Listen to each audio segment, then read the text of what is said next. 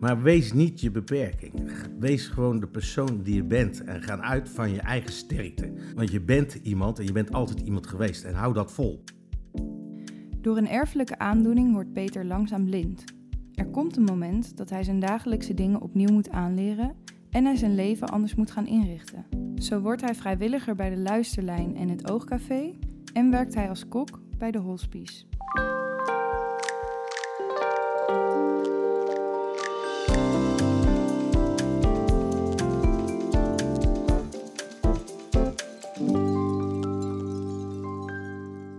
Peter, heel erg bedankt dat we bij jou langs mogen komen in het gezellige Brabant. Graag gedaan. De zon schijnt buiten. Eh, we zitten tegenover elkaar, ongeveer op anderhalve meter. Ja. En ik ben eigenlijk benieuwd, hoeveel van mij kun jij nu zien? Uh, ik kan uh, hoofdzakelijk jouw contouren zien. Dus uh, waar je schouders zitten en zo weet ik. En ik weet dat je een hoofd hebt. Maar, maar je kan... ziet niet wat voor shirtje ik aan heb. Ja, ik zie wel wat voor shirtje aan hebt. Omdat dat zitten volgens mij wit en zwarte kleuren op. En iets van figuren, maar ik kan niet zien wat voor figuurtjes het zijn. Het zijn kokosnoten voor oh, tropische dag. Oké. Okay. Maar, uh, en, en ik kan uh, jouw hoofd zien, maar ik, bijvoorbeeld je ogen zie ik niet, zie je neus, de mond en zo, dat zie ik niet. Nee, dus het gaat echt om mijn vorm, zeg ja, maar. jouw vorm. Ik zie jouw vorm. Oké, we gaan het zo uitgebreid hebben over wat jou is overkomen, wat je hebt en hoe je daar nu mee omgaat. Ja. Uh, maar ik ben toch eerst benieuwd naar jou persoonlijk. En ja, hoe zou jij jezelf bijvoorbeeld omschrijven? Ja, dat vind ik altijd, dat is natuurlijk het moeilijkste wat er is om jezelf te omschrijven. Zelfkennis. Ja, maar ik ik denk dat ik uh, uh, een, uh, een vrolijke kerel ben, vind ik zelf altijd. Dat ik positief in het leven sta. het heel fijn vind om met heel veel mensen om te gaan en te kennen. En in mijn omgeving te hebben. feestjes en zo, dat, daar kan je me altijd voor uitnodigen. Zal ik, altijd, ik zal nooit afzeggen. Bezig zijn met andere mensen, dus ook andere mensen helpen. Uh, en dat hoeft niet altijd in het sociale werk te zijn. Dat kan ook in de tuin zijn. Maar dat kan ja, gewoon lekker met andere mensen aan de gang. Dat, dat, is, dat is wel wie ik ben. Ik uh, denk na over wat er in de wereld gebeurt. Ik kijk bijna alle actualiteitenprogramma's, want dat kan ik goed volgen. Ik kan het niet amper zien, maar ik volg het wel. Dus ik kan naar luisteren. Gelukkig kan ik wat de krant lezen, zodat ik op de hoogte ben. En ik ben zeer uh, politiek geïnteresseerd, wat er goed en wat er fout gaat. Uh, ja, en, en, en ja, een, brede kennis hebben. Dus dat je, als er iets aan de hand is, dat je ook uh, een mening kan hebben en ook een mening kan vormen. Dus daardoor veel informatie binnenhalen. Is goed op de hoogte van de actualiteit. Absoluut.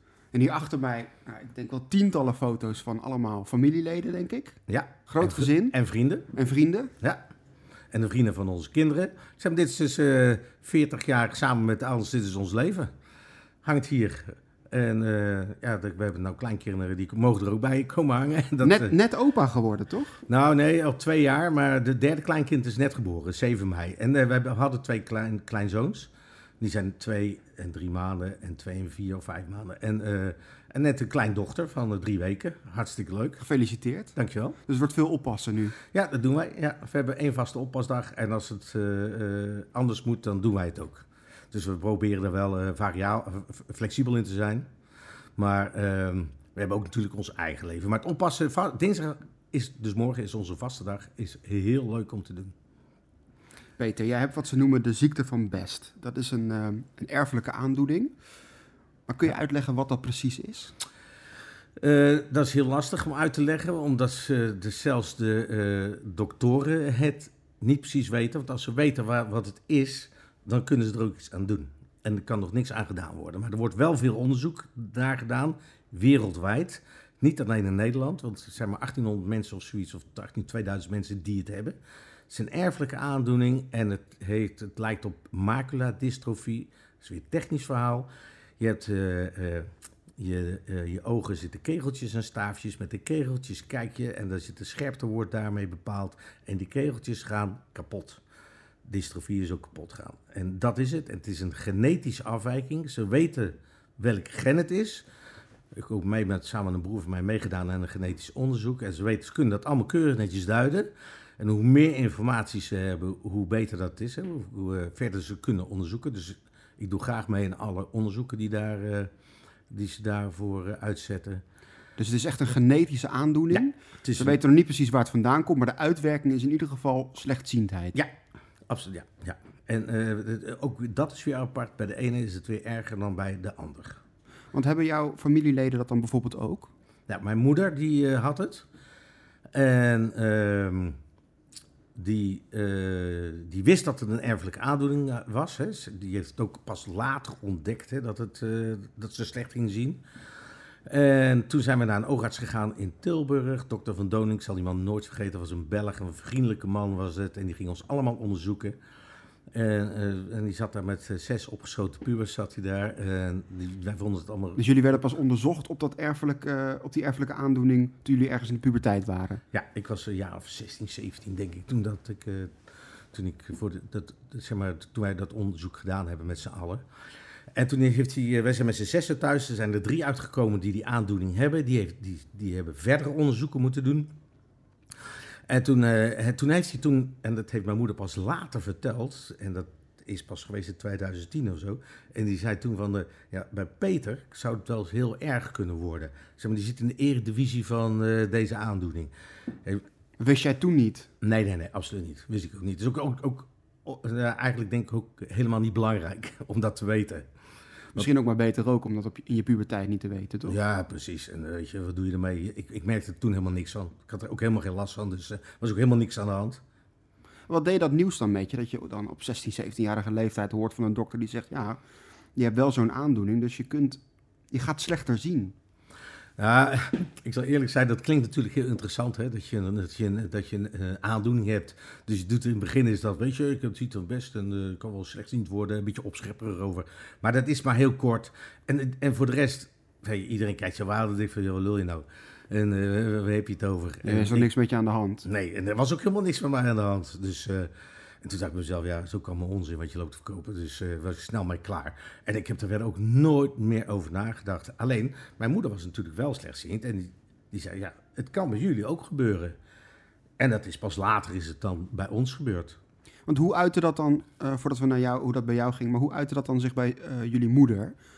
Hoe Nou, zag die- dat er toen uit? Ja, die, de, eh, wij, wij zijn een grote bridge-familie, dus met kaarten was, eh, met bridge was het lastig voor haar om eh, de kaarten te kunnen lezen. Dus de harters gingen bij de, harten, bij de ruiters en ja, dat was, bij klavers en schoppers, dat, dat ging nog wel, maar de harters zaten wel eens bij de ruiters. Dat was lastig, het lezen werd lastiger, dus die zat er heel snel aan het luisterboek. En mijn moeder die, luister, die, die, die luisterde, die, die las, die verslond boeken. En... eh, dus die, die heeft haar, ja, haar grootste eh, pijnmoment, of lastig, was ook altijd tv kijken. Want je, die zag daar eh, een stuk minder.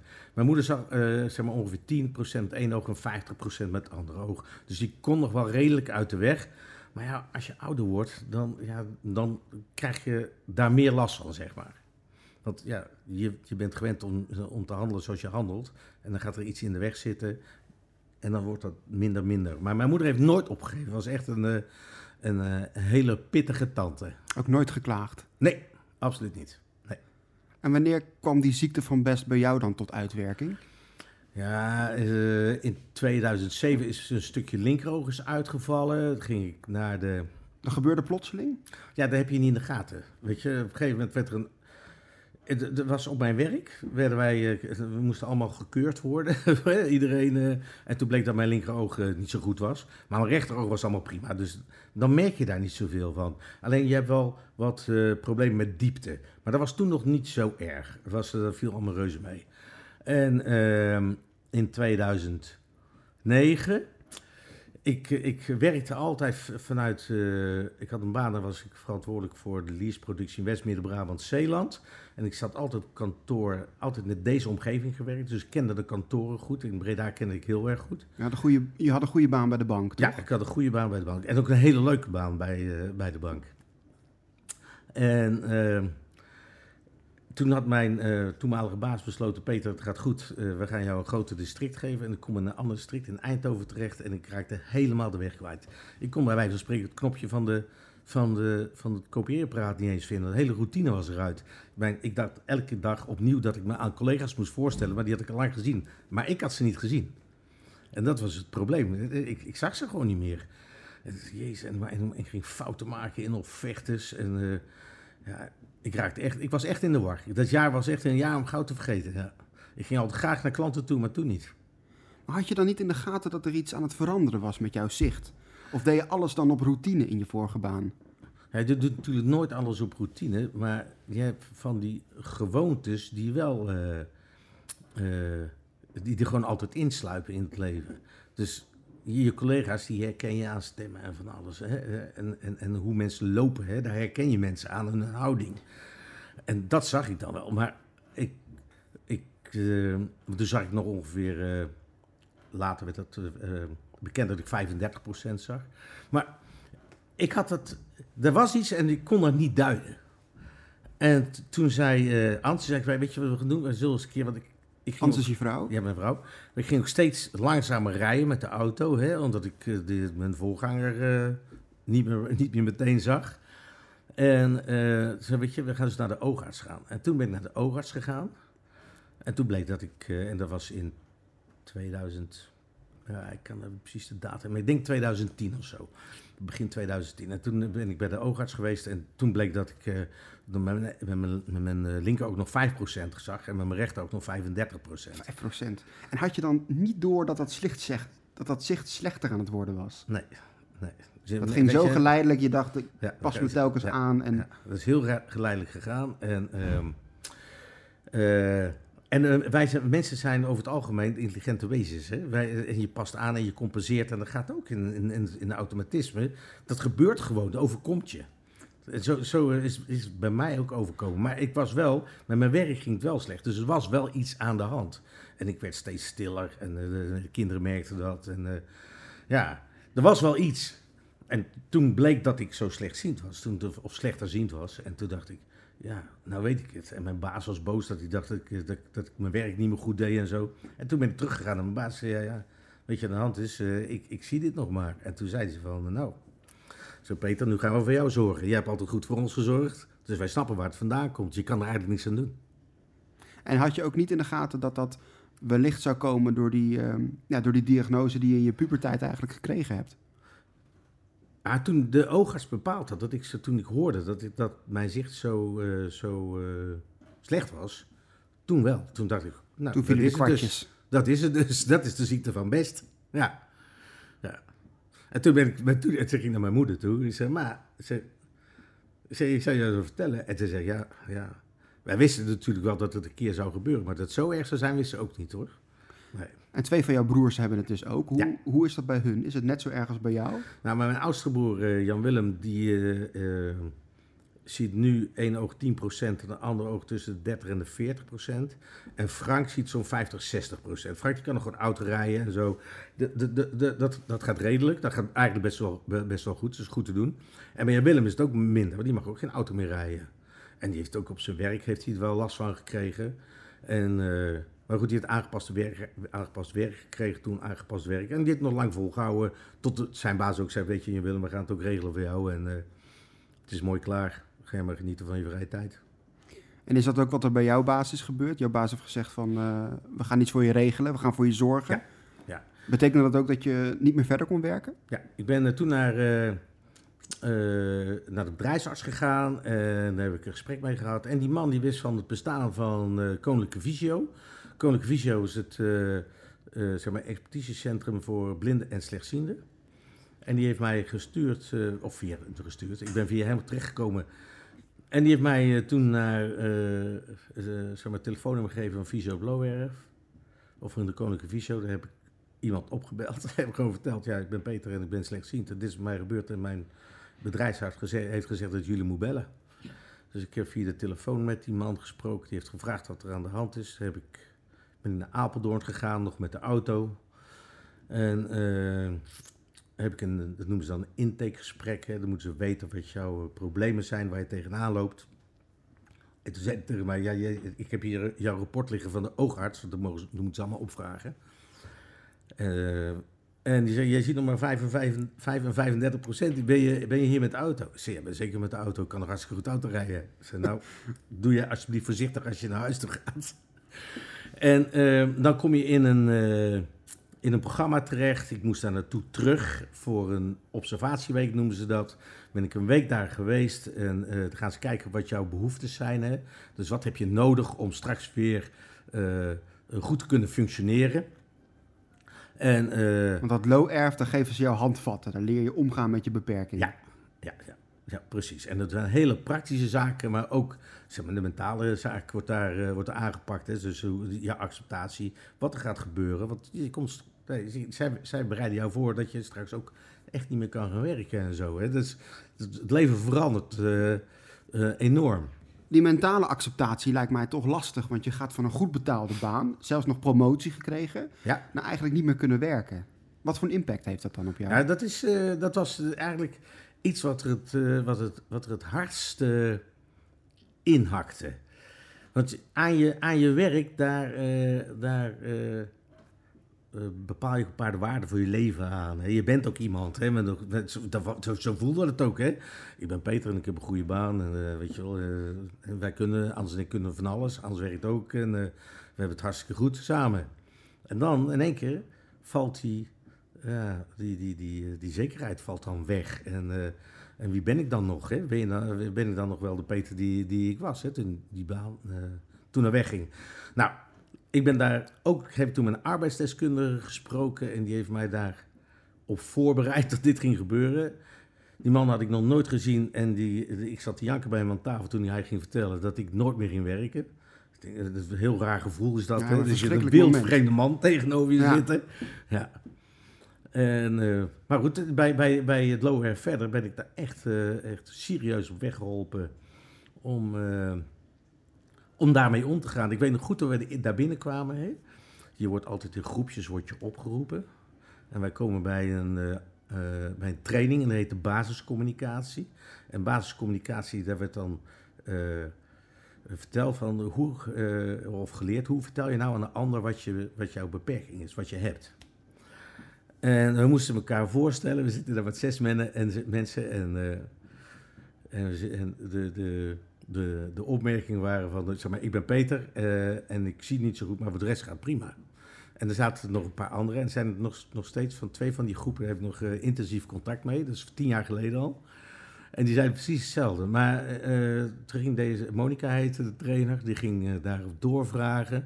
Nou, ik denk dat we in, in, een half uur tijd met z'n allen zaten te janken daar. Wat, wat was veel meer met ons aan de hand dan we eigenlijk accepteerden. Of in de gaten hadden wat er aan de, beurt, aan de, aan de gang was. En dat is eigenlijk je start geweest, de start van de revalidatie geweest. Hoe leer je dat dan, met je handicap omgaan? Um, ja, weet je, die, die praktische zaken, dat, dat, dat, weet je, je wordt niet met, met, met fluwelen handschoentjes aangepakt of zo. Nee, weet je, je, gaat nou hier, komt hier. Ik kon niet blind typen. Dan kwam ik bij een, een dame te zitten en die ging mij leren, blind leren typen. Een ervaren, uh, uh, wat oudere dame, een fantastisch mens. En ik kreeg steeds op mijn donder hoe dat ik verkeerd rechtop zat en ik mijn, mijn, mijn, mijn houding niet goed was. De ergonomische houding was niet goed. Precies, precies. En, maar, maar gewoon stampen, stampen. En ik moest er echt leren. Ik moest echt leren typen. Bijvoorbeeld, ik, ik wist niks. Dus ik zat daar voor de typemachine met mijn houding netjes. En dan moest ik de J drukken. En dat was een J. J, J. Ik dacht, wanneer mag ik nou eens een andere letter pakken? En toen zei ze, J, Peter, je mag nu de spatie erbij doen. Waar zit spatie? Dan moest ik met mijn duim de spatie doen. Het moet allemaal via een bepaalde volgorde. J, spatie, J, spatie, J, spatie. En zo ging dat dagen achtereen, tot ik dat toetsenbord helemaal beheerste. Maar ik denk, ik moet dit heel snel leren, want anders word ik knettergek hier. Maar dat is wel van, en nu gaan we verder. En de mensen waren heel lief, maar ook heel kordaat niet, niet, niet te flauw, hè? Maar gewoon wel duidelijk van, erin van wat je, wat je moest doen. Dus je zegt schouders eronder en gewoon buffelen. Ja, Hard studeren. Inderdaad, inderdaad. Op de praktische dingen, zoals type, ja.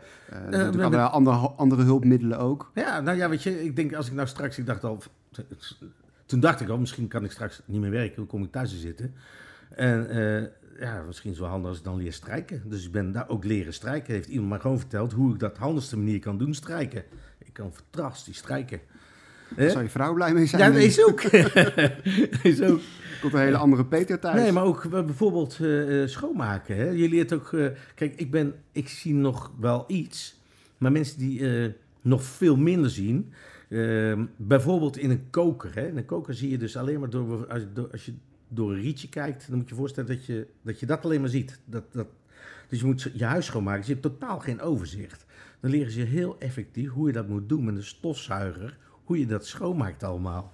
Ja, dat is echt bijzonder hoor. Omdat, eh, ja, en dan word je echt... De, de ergotherapie is dat, hè. En leer koken en zo. Maar goed, koken is een hobby voor mij, dus... Uh, dat, dat, dat, kon je al. Dat kon ik al, dat gaat me goed af. Maar ja, heel veel praktische vaardigheden leren. En dan ook die, die, mentale vaardigheden waar je het over hebt. Hè? Ja, want die mentale vaardigheden die lijken me het, lastigst. Ik denk, hè, het praktische, dan moet je echt stampen, oefenen en vaak doen. Ja. Maar jezelf accepteren en ook weer opnieuw uitvinden en opnieuw betekenis geven aan je leven. Hoe heb je dat gedaan? Ja, dat is zeker goed, dat betekenis geven. Want daar ben je wel kwijt, hè, dat, dat werk. En hoe, hoe, uh, hoe moet je daarmee omgaan? En, uh, nou ja, de meeste mensen definiëren zichzelf aan hun baan. Hè? Ja, dat, dat klopt. Dat, dat zie je veel. Ja, dat is absoluut waar. En uh, ja, die betekenis is niet meteen gekomen natuurlijk, maar je, je wordt wel op weg geholpen. En dat gaat bijvoorbeeld, we hebben een assertiviteitstraining hebben we gedaan. Ja, en dat ging best ver. Uh, van, uh, en, en, assertiviteit is niet alleen maar hoe kom ik op voor mezelf, maar hoe ik ook hou ik rekening ook met, met de andere mensen die bij mij zijn. Hè? Je omgeving, hoe reageert jouw omgeving op jou? En ik moet niet mijn heel leven boos zijn omdat ik, omdat ik toevallig slechtziend geworden ben. Daar kunnen die mensen ook niks aan doen. Dus hoe ga je met elkaar om? Ja, dat was echt een super mooie training, moet ik zeggen. En wij zaten met een ja, uh, redelijk gemotiveerde groep. Dus die trainer die ging ook wat dieper dan, dan normaal in op de materie. Ik vond, vond het ook jammer dat die afgelopen was. Ja, dat was echt, uh, moet ik zeggen, daar heb ik ook veel aan gehad. Van hoe, ja, hoe reageren we op elkaar? Hè? Hoe, uh... ja, zoals wat dan? Wat leer je dan? Nou, dat je, dat je wel ook de mensen reageren vaak heel vanuit hunzelf. Hè? Um, ik, kom, ik, kom, ik loop altijd een zonnebril op. Ik kom de kroeg binnen met mijn zonnebril. En iemand zegt tegen mij: heb je last van lasogen? Ik zeg: Nee, nee, ik ben slechtziend en dit helpt mij. Oh ja, ja, ja, ik heb ook contactlenzen. En dan moet je dan. Dan moet je eigenlijk gaan luisteren naar zijn verhaal. Precies. En, daar moet, en daar moet je ook een ingang voor geven, natuurlijk, want iedereen heeft een verhaal. En dat is, dat is wat we daar ook uh, echt uh, geleerd hebben om te doen. Nou, en ja, ik moet zeggen, dat gaat, uh, dat gaat me best... Soms ben je het ook helemaal beu, hoor. Die, dat soort verhalen van... ik moet ook een bril opzetten, anders kan ik de krant niet lezen. Ja, dat is heel iets anders. Als wij een bril opzetten, kunnen we de krant nog steeds niet lezen. Maar het, het helpt alleen maar een beetje voor het woord wat je dan zoekt. Hè? En, ehm, en om dat nou allemaal precies uit te leggen ja, soms heb je er wel zin, zin in en soms niet. Maar dat heeft er allemaal wel bij bijgedragen om het goed te doen. Ja, snap ik. En je komt natuurlijk veel in contact met lotgenoten. Ja. Met mensen die ook uh, slechtziend zijn. Of misschien wel helemaal blind. Helpt dat? Um, wat wij... Uh, ik, ik, heb negen maanden daar in Apeldoorn gezeten, op Visio het. En uh, daar wij, heb ik mensen leren kennen. En daar was een, vind ik nog steeds een hele bijzondere groep. En dan maakt niet uit wie je bent, wat je bent, uh, uh, welke kleur je hebt. Of, uh, het maakt niks uit. Je hebt allemaal een probleem. En, en, en je trekt elkaar op en je ondersteunt elkaar. En wij zijn met een groepje van man of 10, 12. En wij zien elkaar nog zeker twee of drie keer per jaar. En dat is tien jaar geleden zijn we daarmee begonnen. En dat is gewoon een hele hechte groep. Het is een vriendenclub geworden. Ja, we hebben ook een uh, eigen, uh, dat, zo'n uh, WhatsApp groepje. En als iemand een probleem heeft, dan, komt, dan wordt dat gemeld. En dan kunnen we elkaar helpen. Of proberen te helpen. Dat is heel mooi. Want je zegt natuurlijk ook wel, hè, Broer, een aantal dingetjes hoor ik jou. Je leest nog de krant. je hebt een WhatsApp groepje, dus je bent ook waarschijnlijk nog aan het typen. Wat zijn allemaal dingen die, jij, die je gewoon nog kan blijven doen? Ja, dat leer je op, op het Loherf. Maar een iPhone, daar zit een spraakondersteuning op. Dus je letters die oh, je aanraakt, die hoor je. Ja, en je kan gewoon inspreken nou, hè. Dus je spreekt gewoon, eh, je spreekt, je spreekt in, er zit een voice-over op. Dus je kan het voor laten lezen wat, wat iemand anders heeft gezegd. Je kan de letters enorm vergroten, dus korte berichtjes. Die probeer ik dan nog wel te lezen, omdat het ook grote letters zijn. Autorijden, doe je dat nog? Nee, dan, ik mag... Uh, nee. Sorry. Ik... Uh, dat is ook zo'n verhaal. Ik kwam op het Low Erf toen voor mijn in, uh, mijn observatieweek. En ik kwam met de auto. En toen gonst het al over het Looerf. Er is hier iemand met de auto gekomen en die komt een week een observatie. Dan kom je toch niet op het Looerf?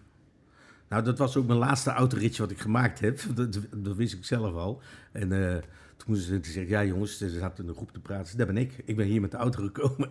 Ze zei, jongen, je bent helemaal gek, zei ze tegen mij. maar ik vond, ja, ik vond dat het nog kan.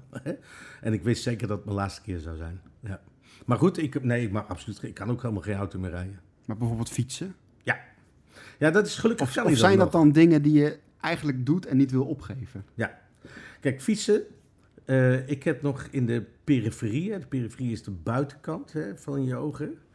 Daar is, kan ik nog wel wat zien, dus ik heb omgevingszicht, hè, zeg maar. Dus, uh, ja, dus je kan zien als er een auto links aan ja, dat kan ik niet echt zien, maar ik luister dan of ik, iets, of ik een auto hoor, ja of nee. En, uh, en, uh, en ja, de elektrische auto wordt lastig, maar je hoort die banden hoor je wel rollen hè, over de weg. Dat is een geluk. Dus ik luister naar Wordt het ook steeds lastiger met die elektrische auto's trouwens. Ja, ja maar die, die, die, die hoort die banden rollen. Oh, op die manier, ja. En uh, dus ik, als ze op een 10 of 20 meter afstand zijn, en die auto's zijn meestal wel groot, dan uh, kan ik ze, dan, dan, zie ik iets. Hè? Dan kan ik waarnemen dat er iets, iets, uh, iets aankomt. Dus dan, daar, kan ik dan rekening mee houden. Dus ik, dat kan ik gelukkig nog wel. Mijn oogarts vindt het heel bijzonder dat ik nog fiets. Peter, jij krijgt in Apeldoorn, dat Low-erf, heel veel ondersteuning. Uh, je spreekt met lotgenoten, je krijgt allerlei lessen, praktische handvatten, tools om met jouw slechtziendheid op, om te gaan. Um, maar dan kom je thuis en heb je ook een vrouw aan de keukentafel. Ja, precies. En hoe, je... hoe, hoe, is dat voor haar? Ja, dan begin je opnieuw. en, uh, ja, dat was, voor, ik, dat was best lastig. Het was wel lastig toen ik op het Low zat, want je zit in een andere wereld, kom je terecht. En ik zat er dan van maandag tot donderdag. Kom ik dan kwam ik thuis en dan zat ik als een dood vogeltje op de bank, was ik helemaal kapot. En vrijdags uh, begon het gewone leven weer. En wij hadden, wij hadden en hebben nogal een rijk sociaal uh, leven. En, uh, ja, ik was nog een kwartier binnen en er stond al een vriend van jou aan de deur. die zit nu lekker in de tuin koffie en thee te drinken. Precies, precies. en wij wij waren dan de, de, vrijdag en de zaterdag weer gewoon weg. En zondag zat ik bij de voetbalvereniging. En uh, ja, toen hebben we maar... En dat was niet goed. dat was niet, hebben we afgesproken dat er één weekend... Of één dag van het weekend dat we zeker thuis zouden zijn. En toen zijn we daarmee begonnen. Toen ik in Apeldoorn zat. En dat hebben wij uh, heel lang volgehouden. Om elkaar te zien, bedoel je? Om elkaar, en gewoon ook in gesprek te zijn met elkaar. Van wat gebeurt er nou met jou? Wat gebeurt er met mij? Hè? Hoe, uh, hoe gaan we dit samen verder uh, aanpakken? Want voor Anders was het natuurlijk ook een grote verandering. En voor mijn kinderen ook. Om in één keer met een, vader te, te, en een man te, te zitten met een beperking.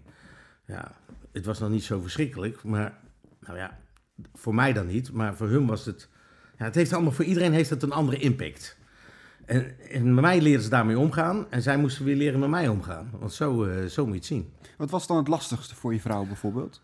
Nou, zij, zij gingen andere taken overnemen, hè, want ik mocht geen auto rijden. En ik reed heel erg graag auto. Bijvoorbeeld op vakantie gaan, gingen we met de auto en met de caravan erachter.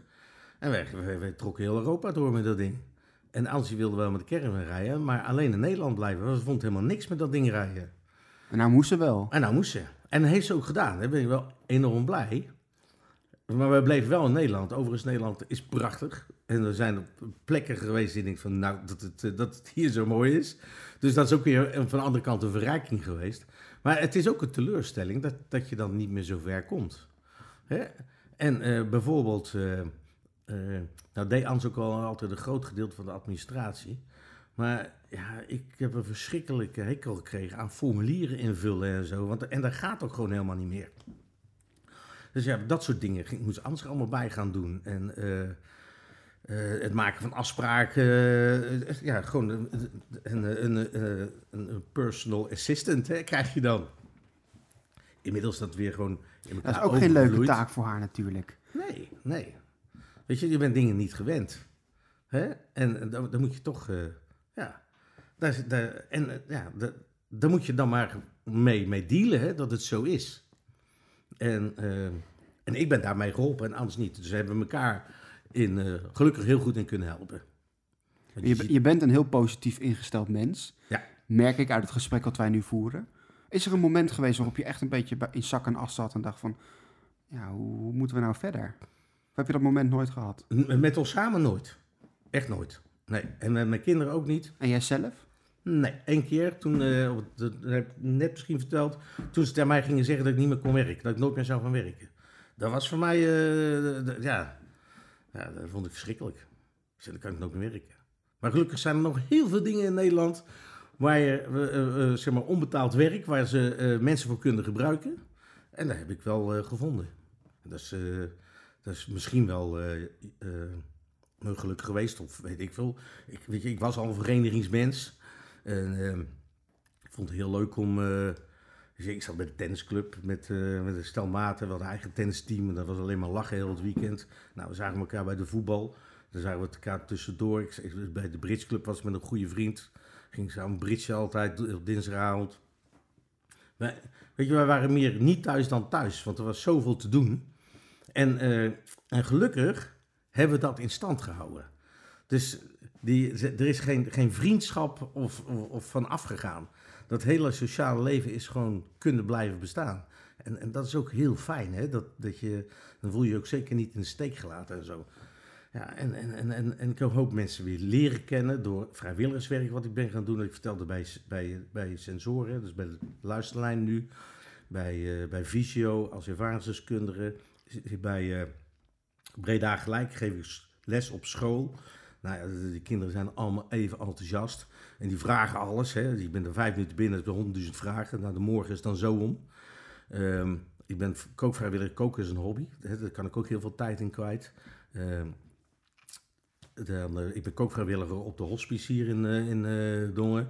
Prachtig werk is dat om mensen nog, nog ja, op hun laatste dagen nog een, iets lekkers voor te schotelen. Voor zover ze het dan ook kunnen eten. Maar dat is echt zo mooi om te doen. En die dankbaarheid die je dan terugkrijgt, is echt ongelooflijk. Dus eigenlijk mijn leven alleen maar verrijkt na, na, na eh, mijn eh, werkzame leven. En ik ga ook elk jaar nog skiën met, met, met de vrienden. Ook skiën ook echt. Ja, ja, ja, ja. En hard. Ja. Is dat dan eigenlijk wel verantwoord om te doen, Peter? In alle eerlijkheid. Nou, weet je, ik ben met acht goede vrienden ben ik dan op pad. En wij gaan al jaren met skiën. Dus voordat mijn slechtziendheid intrad, toen, toen gingen we hun skiën. En ik ski al jaren, dus ik vind dat ik best aardig potje kan skiën. En zij letten altijd eh, eh, heel goed op mij. dat niet Maar je vond ook dat je kon autorijden, dus... eh, Ja, ja, ja. Nou ja, dat is een van de dingen. Dat is een beetje, dat is mijn, ja, dat zit in mijn, mijn aard, denk ik. Geef niet op. nee, dat is ook het, het lastigste natuurlijk. Ja, dat als je, je op, gaat, niet. op gaat geven, dan, dan ken je het zomaar niet, toch? Nee. Dus, dus, dus, dus, dus- dat deed je niet meer terug. Dus maar er zijn een hoop mensen die, dat wel, die, dat, die het beltje er wel bij neerleggen. Ja, dat is zonde. Dat is zonde. Dat is eigenlijk, eigenlijk ja. En ik snap wel dat je, je, je... Als je iets overkomt, het maakt niet uit wat er met je gebeurt. Je, eh, eh, je, je, je moet opnieuw starten. Hè? Je, je, je moet je teleurstelling verwerken. Die acceptatie moet in je lijf komen. En, en, en, en dat is het, denk ik. En als je dat eenmaal eh, voor elkaar hebt... En dan moet je jezelf ook niet zielig voelen of zo, want het helpt allemaal niks. Als je stil in een hoekje gaat zitten, ja, niemand komt jou eruit trekken. De enige die dat kan, ben jezelf. En dat zou je zelf moeten doen. Toevallig heb ik een keer eh, hier in het, in het, eh, weekblad van Dongen, heb ik een, een keer een interview mogen geven. En eh, dan heb ik dit verhaal ook verteld. Er woont hier een mevrouw in de straat en haar man was overleden. Ze was wat slecht op de been en haar zicht was wat minder. En die heeft het, eh, die heeft dat stuk gelezen. En ze liep met de rollator buiten. En ze houdt me tegen en zei: Peter, ik moet je wel vertellen. Ik zei: Nou, vertel, wat is er aan de hand? Ze zei: Ik had jouw stukje gelezen in, het, in de krant. En toen dacht ik: Ik moet gewoon zelf opstaan en zelf naar buiten gaan. En zelf met mijn rollator gaan. En die mevrouw loopt de hele, hele dorp door. Nou, en dan denk ik zo: Jezus, man, dat is zoiets gebeurd door, eh, door, door de, ik zo'n klein beetje verteld heb. Dat was echt fantastisch. Dat is een schitterende anekdote. Ja, En dat karakteriseert jou ook wel, want je bent niet bij de pakken gaan neerzitten toen je je baan eh, kwijtraakte. nee, nee. Het was geen lange vakantie, maar je bent ook echt anderen gaan helpen. Wat, wat ben je gaan doen? Nou ja, andere gaan helpen. In het begin was ik daar helemaal niet aan toe. Want ik, ik was 1, eh, 1 eh, juli 2012 officieel afgekeurd, zeg maar. Hè? En eh, toen ben ik, eh, het was het hartstikke mooi weer, ben ik in de tuin gaan zitten. Ik denk, nou, dan ga ik in de tuin zitten bier drinken. Maar dan ben je snel klaar. En ehm, toen dacht ik, ik heb het met Ans samen over gehad, weet je, we gaan iets zoeken van eh, wat, kan ik gaan doen. Hè? Kan, ben ik vrijwilligerswerk gaan doen. En mijn eerste vrijwilligerswerk was de luisterlijn, toen nog sensor. En eh, nou, het pakte me gelijk. Ik vond het zo boeiend om te kijken hoe je nou met andere mensen in gesprek kan raken. En te kijken of je een beetje op weg kan helpen. Want dat is de het luisterlijn, wat is dat dan? Bellen mensen je dan op? Of- Ja. En wie zijn dat? Eh, iedereen kan er zijn. Dat kan echt iedereen zijn. En er zijn mensen die, oude mensen die eenzaam zijn. Er zijn mensen die vroeger een probleem gehad hebben en waar ze wel eh, zeg maar, eh, psychische hulp bij krijgen, maar te weinig tijd krijgen om een verhaal te doen. En die dat niet meer aan vrienden kunnen vertellen, want die vrienden hebben het misschien al tien keer gehoord en die willen niet meer naar luisteren. Eh, ja, mensen die een trauma hebben opgelopen, noem maar op. Het is echt vanaf. Ook mensen die gewoon iets leuks willen vertellen wat ze meegemaakt hebben. En dat is ook heel grappig om mee te maken. Het is gewoon een luisterend oor, bied je. Ja, ja. Kom je dan ook met adviezen? Nee, want dus, dat is iets wat wij niet doen. Eh, want mensen vragen om advies. Ik zeg, dan kan ik, ik kan jou geen advies geven. Want als ik een advies geef aan een ander, is het mijn oplossing en het is niet jouw oplossing. Dat is nooit een advies voor iemand die iets gedaan wil hebben. Het moet uit jezelf komen. Alles, denk ik, wat je, wat je wil, je doet, zou je toch zelf moeten doen. Je kan wel een beetje op weg geholpen worden. Dat is het enige. Maar om te zeggen, je moet het zo doen, dat, nee, dat kan niet. Dat, dat, dat kan gewoon niet. Want iedereen is een persoon voor zichzelf. En het is, het is echt, ja, ik vind, ik vind het heel mooi werk. Ik zou het zomaar niet opgeven. Dus je werkt nu al bijna tien jaar bij die luisterlijn. Wat, Ja. zijn, dan, wat zijn dan de verhalen die je hoort en die indruk op je maken? Ja, de- het is bij de luisterlijn is het zo is de afspraak dat wij nooit over verhalen vertellen. Ja, er, er zijn bijvoorbeeld, ik- dat, is, dat is echt dat is gewoon een leuk verhaal. Dat is een keer een mevrouw die belde op, een, een, een jonge vrouw belde op. En de, die had een, een, een, eh, was een alleenstaande moeder, die was weer eens een keer op pad geweest. En die belde, toen waren de nachtdiensten nog, ik doe alleen nachtdiensten, van drie uur s'nachts tot zeven uur s morgens. Nu is dat een beetje anders ingedeeld. Maar die belde denk ik om een uur vier op of zo. En eh, die ging vertellen dat ze weer eens heerlijk op stap was geweest. En zo'n leuke avond had gehad. En dat werd uitgebreid werd dat verteld. En op een gegeven moment was dat, weet je, op een gegeven moment is een gesprek ook wel een keer klaar. En ik moest naar de, naar de wc ik zei tegen haar, zei, weet je, weet je, ik vind het een mooi verhaal en ik probeer dat netjes af te ronden. En ook vertelde dat ik naar de wc ging. Toen zei ze, oh, maar je kan gerust gaan, ik wacht wel even. Zo. Maar dat is ook, maar je krijgt ook hele intensieve verhalen. Hoor. Van, Peter, je bent eigenlijk een soort anonieme stem die luistert in de nacht. Naar mensen. Ja, nou die, ja, iets je nee. willen, die iets willen vertellen. Ja, nou, en, en ik, eh, ik, praat mee. Hè. Ik eh, lu- luisteren, dan, eh, ja, dan, dan kom je niet, dan kom je niet tot, eh, tot iets. Ik, ik ben wel van het gesprek. Dan, dan, eh, dan, ja, dan kom je terecht. En in de nacht, ja, ik vind de nachtdiensten het mooiste die er zijn. En vertel je dan ook wat over jezelf? Ja, als dat niet altijd, hè, dat hoeft soms helemaal niet. Maar in sommige gevallen, als het zo'n eh, impact heeft en zo, mensen zoveel meegemaakt hebben. En die vragen dan ook, waarom doe je dit? Hè? Die vraag krijg je dan van, vanuit die hoek. En dan, dan vertel ik ook wel eens iets over mezelf, ja. En, en hoe helpen die verhalen jou dan weer verder? ja Of het werk misschien, hè? Ja, zeker. Het is heel dankbaar werk, is het. En eh, eh, wa- wat, wat aan mij overkomen is, ja, dat- is. Er is nooit erger, erg, of erger, erger, ergs. Dat is er gewoon niet. Maar er is zoveel eh gebeurd er in het leven wat, wat, wat, wat mis kan gaan. Dus, en da- daarom, daarom dacht ik bij mezelf, ja, moet je eens kijken wat je allemaal nog hebt, Peter. En, eh, en pak dat nou eens vast. En dat doe ik ook, hè, want eh, ik doe niet anders. Ik vind het veel te mooi. Ik zeg altijd, weet je, ik zeg altijd, eh, dat is een beetje mijn lijfspreuk, zeg maar, het leven is veel te mooi om chagrijnig te zijn. Nou, dat is toch eentje die kunnen we op een tegeltje zetten, Peter. Dit is, dat is een tegeltjeswijsheid. ja. Ja. Nee, want je doet, je doet dus de luisterlijn, maar je hebt ook een, een ja, zeg ik het goed, een oogcafé in Breda. Ja. Wat is dat? Nou, eh, ik ben ook vrijwilliger bij Visio. Visio heeft, eh, ik, ik vond dat ik ook wat terug kon doen bij Visio, want die heeft mij zo enorm goed geholpen. En eh, bij Visio hebben, zijn ze een jaar vijf geleden begonnen met de ervaringsdeskundigen in te zetten. En daar stond een advertentie. Ik heb erop gesolliciteerd. Hartstikke leuk om weer eens een keer te solliciteren. Dus ik ben erva- ervaringsdeskundige geworden. En daarbij help je andere mensen op weg met, die net bekend worden met slechtziendheid. En eh, eh, we hebben met vijf man zitten wij in Breda. En, hebben we daar, en van daaruit hebben we een oogcafé opgezet. En dat doen we één keer in de 14 dagen. En dan komen mensen met slechtziend of blind, met hun partners of niet. Sorry. En, eh, eh, en, en daar praten we gewoon met elkaar. En het fijne daarvan is dat wij kennen de problematiek van het slechtziend zijn of blind zijn. Dus als je even wat te zeuren hebt, dan stappen we elkaar dat je een keer wat te zeuren hebt. Maar over het algemeen is het gewoon heel erg gezellig om even bij elkaar te zijn. En dat doen we dan vrijdag van 11 tot nu of 1, half 2.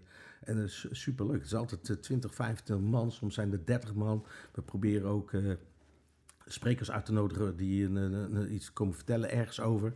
Ja, over iets informatiefs, maar over iets leuks. Een keer een verhaal vertellen gehad. Ja, hartstikke leuk. Het is echt een lotgenotencafé eigenlijk. Ja, het is echt een lotgenotencafé, ja. Ja. En wat zeg je dan bijvoorbeeld tegen iemand die, die er net achter komt dat hij slechtziend is of slechtziend wordt, of misschien net blind is geworden, uh, en daar nog helemaal niet mee om kan gaan? Jij hebt dat natuurlijk nu al een, ligt nu al een paar jaar achter jou. Wat zeg je tegen zo iemand? Nou, je, ik zeg, je zegt niet zoveel. Je vraagt meer wat, uh, waar, uh, waar wat hun probleem, wat, waar het probleem zit. Hè? Wat, wat, wat voel je nou? En wat, wat, uh, wat zou je nog verder willen of kunnen denken dat je kan in het leven? Hè? En de, het is meer een, een, uh, door vragen stellen achterkomen wat, wat, er, wat er speelt. En in het begin zijn mensen natuurlijk helemaal ja, teleurgesteld, zoals, net zoals met heel veel mensen gebeuren die zoiets overkomt.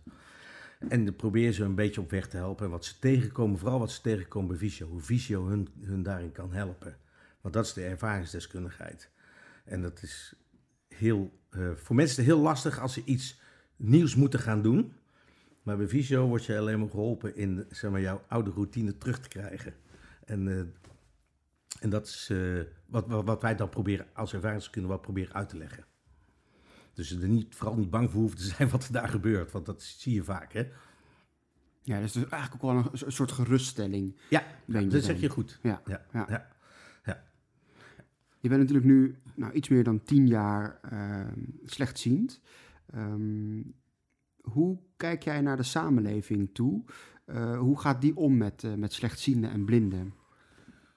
Ja. De samenleving is er natuurlijk niet op ingericht. Ja, je ziet natuurlijk wel die, uh, die stoplichtjes waar je dan het getik hoort. Ja, dat is niet overal zo. Dat is niet overal zo, broer. Nee. De samenleving is er niet op ingericht. Nee, nee, nee. De samenleving moet leren om daarmee om te gaan. Er moet...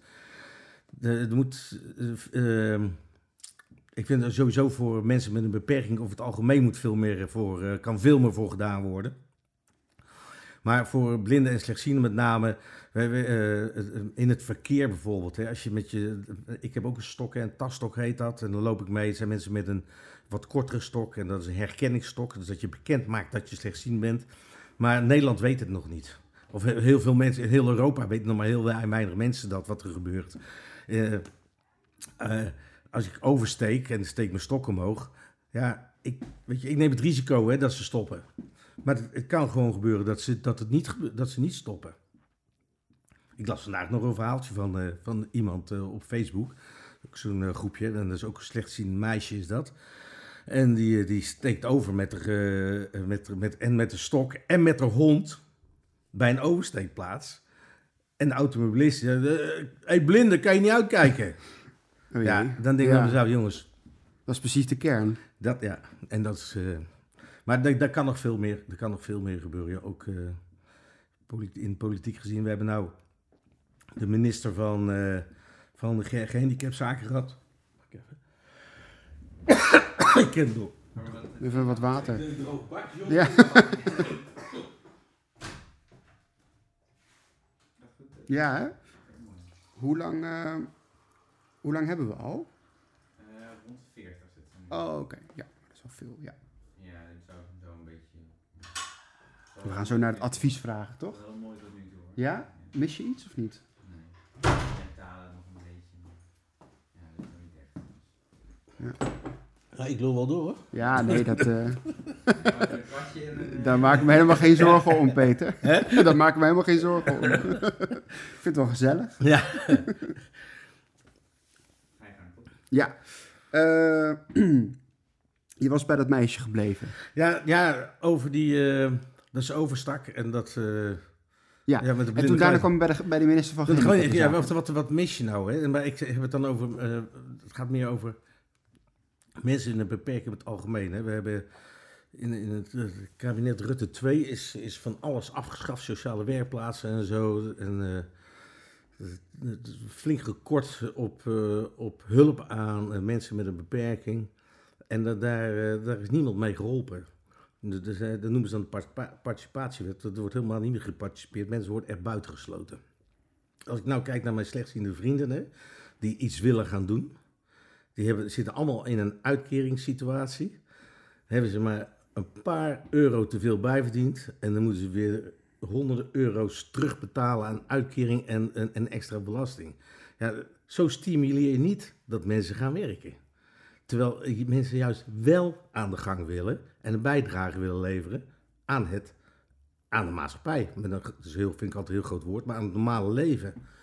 En dat is zo, ik vind dat zo, daar kan ik me echt kwaad over maken. Die drempel om mee te doen, om te participeren. Nou ja, die wordt, die, je wordt niet gewoon, je wordt niet beloond. Als je iets extra, een, een waaijong-uitkering is 1000 euro in de maand. En dan wil je wat bijverdienen. En dan word je, weer, word je weer zoveel gekort, omdat je te veel bijverdiend hebt. Ja, ik snap dat je gewoon belasting moet betalen. Maar dan gaat dan niet extra geld terugvragen. En dat gebeurt gewoon. Stel je verdient 25 euro te veel bij. Hè, je mag tot een bepaald percentage mag je bijverdienen. Dan verdien je 25 euro te veel. En dan wordt er een kwart van je uitkering afgehaald. Ja, dat slaat nergens op. Is dat bij jou ook van toe- toepassing? Nee, of heb jij het geluk nee. gehad dat je een goede baan hebt en dus... Precies, ik heb gewoon een, een goede uitkering. En mijn oude werkgever die heeft een arbeidsongeschiktheid eh, eh, fonds. Dus ik krijg een arbeidsongeschiktheidspensioen via mijn baas. Dus ik hoef me nergens zorgen over te maken. Bij mij is het allemaal goed geregeld. Maar daarom maak ik me zo druk over, over mijn slechtziende vrienden. Dat vind ik echt erg. Nou, jij bent in de positie om je druk te maken over anderen. Ja, maar weet je, wij maken ons met z'n allen daar druk over. En er gebeurt gewoon niks. Daar, daar moet gewoon... En ik snap dat wetten altijd heel moeilijk uitvoerbaar zijn. Dat snap ik. Maar maak het dan eenvoudiger. Maak het niet zo ingewikkeld. Maar goed. De menselijke maat moet terug. Ja, de menselijke maat, inderdaad. Slotvraag in deze podcast is altijd... Welk advies kun jij je lotgenoten geven en de mensen die deze aflevering luisteren en er iets meer over willen weten? Ja, waarover willen weten? Over slechtziendheid bijvoorbeeld. Nou, ehm, over slechtziendheid meer te weten komen dan... ehm, of in ieder geval, wil je eh, verderop, wil je door, ga naar... Ik maak reclame daarvoor, Koninklijke Visio, maar ook een organisatie als Bartemeus, Bartemeus en de Robert Koppers Stichting. Dat zijn eh, echt eh, eh, maar instellingen waar je met slechtziendheid terecht kan. En die, kan je, die kunnen jou altijd op weg helpen. Dus als je daar vragen hebt, ga daar naartoe. Wees niet bleu of zo. Mensen zijn daarvoor om jou te helpen. Dat is echt, die zijn echt supergoed. En ja, over het algemeen wil ik ja, als je, als je ergens tegenaan loopt, en het maakt niet uit wat voor beperking je ook eh, krijgt, hè, want er, is zoveel leed is er, er kan van alles met je gebeuren. Maar wees niet je beperking. Wees gewoon de persoon die je bent en ga uit van je eigen sterkte. En, en, en, want je bent iemand en je bent altijd iemand geweest en hou dat vol. Ben niet je beperking. Ga door. Ga niet in een hoekje zitten, dat heeft geen zin. Pak jezelf op en dan weet je, en als je jezelf oppakt, komen ook mensen om jou te ondersteunen. Hè? Want je kan niet altijd in je eentje blijven staan. Dus doe dat gewoon. En ja, wat ik al eerder zei, hè, dat is een beetje mijn, dat is mijn, eh, dat is mijn, eh, mijn levensmotto. Het leven is veel te mooi om chagrijnig te zijn. En ook die andere mag op een tegeltje. Dankjewel Peter voor je tijd. Graag gedaan.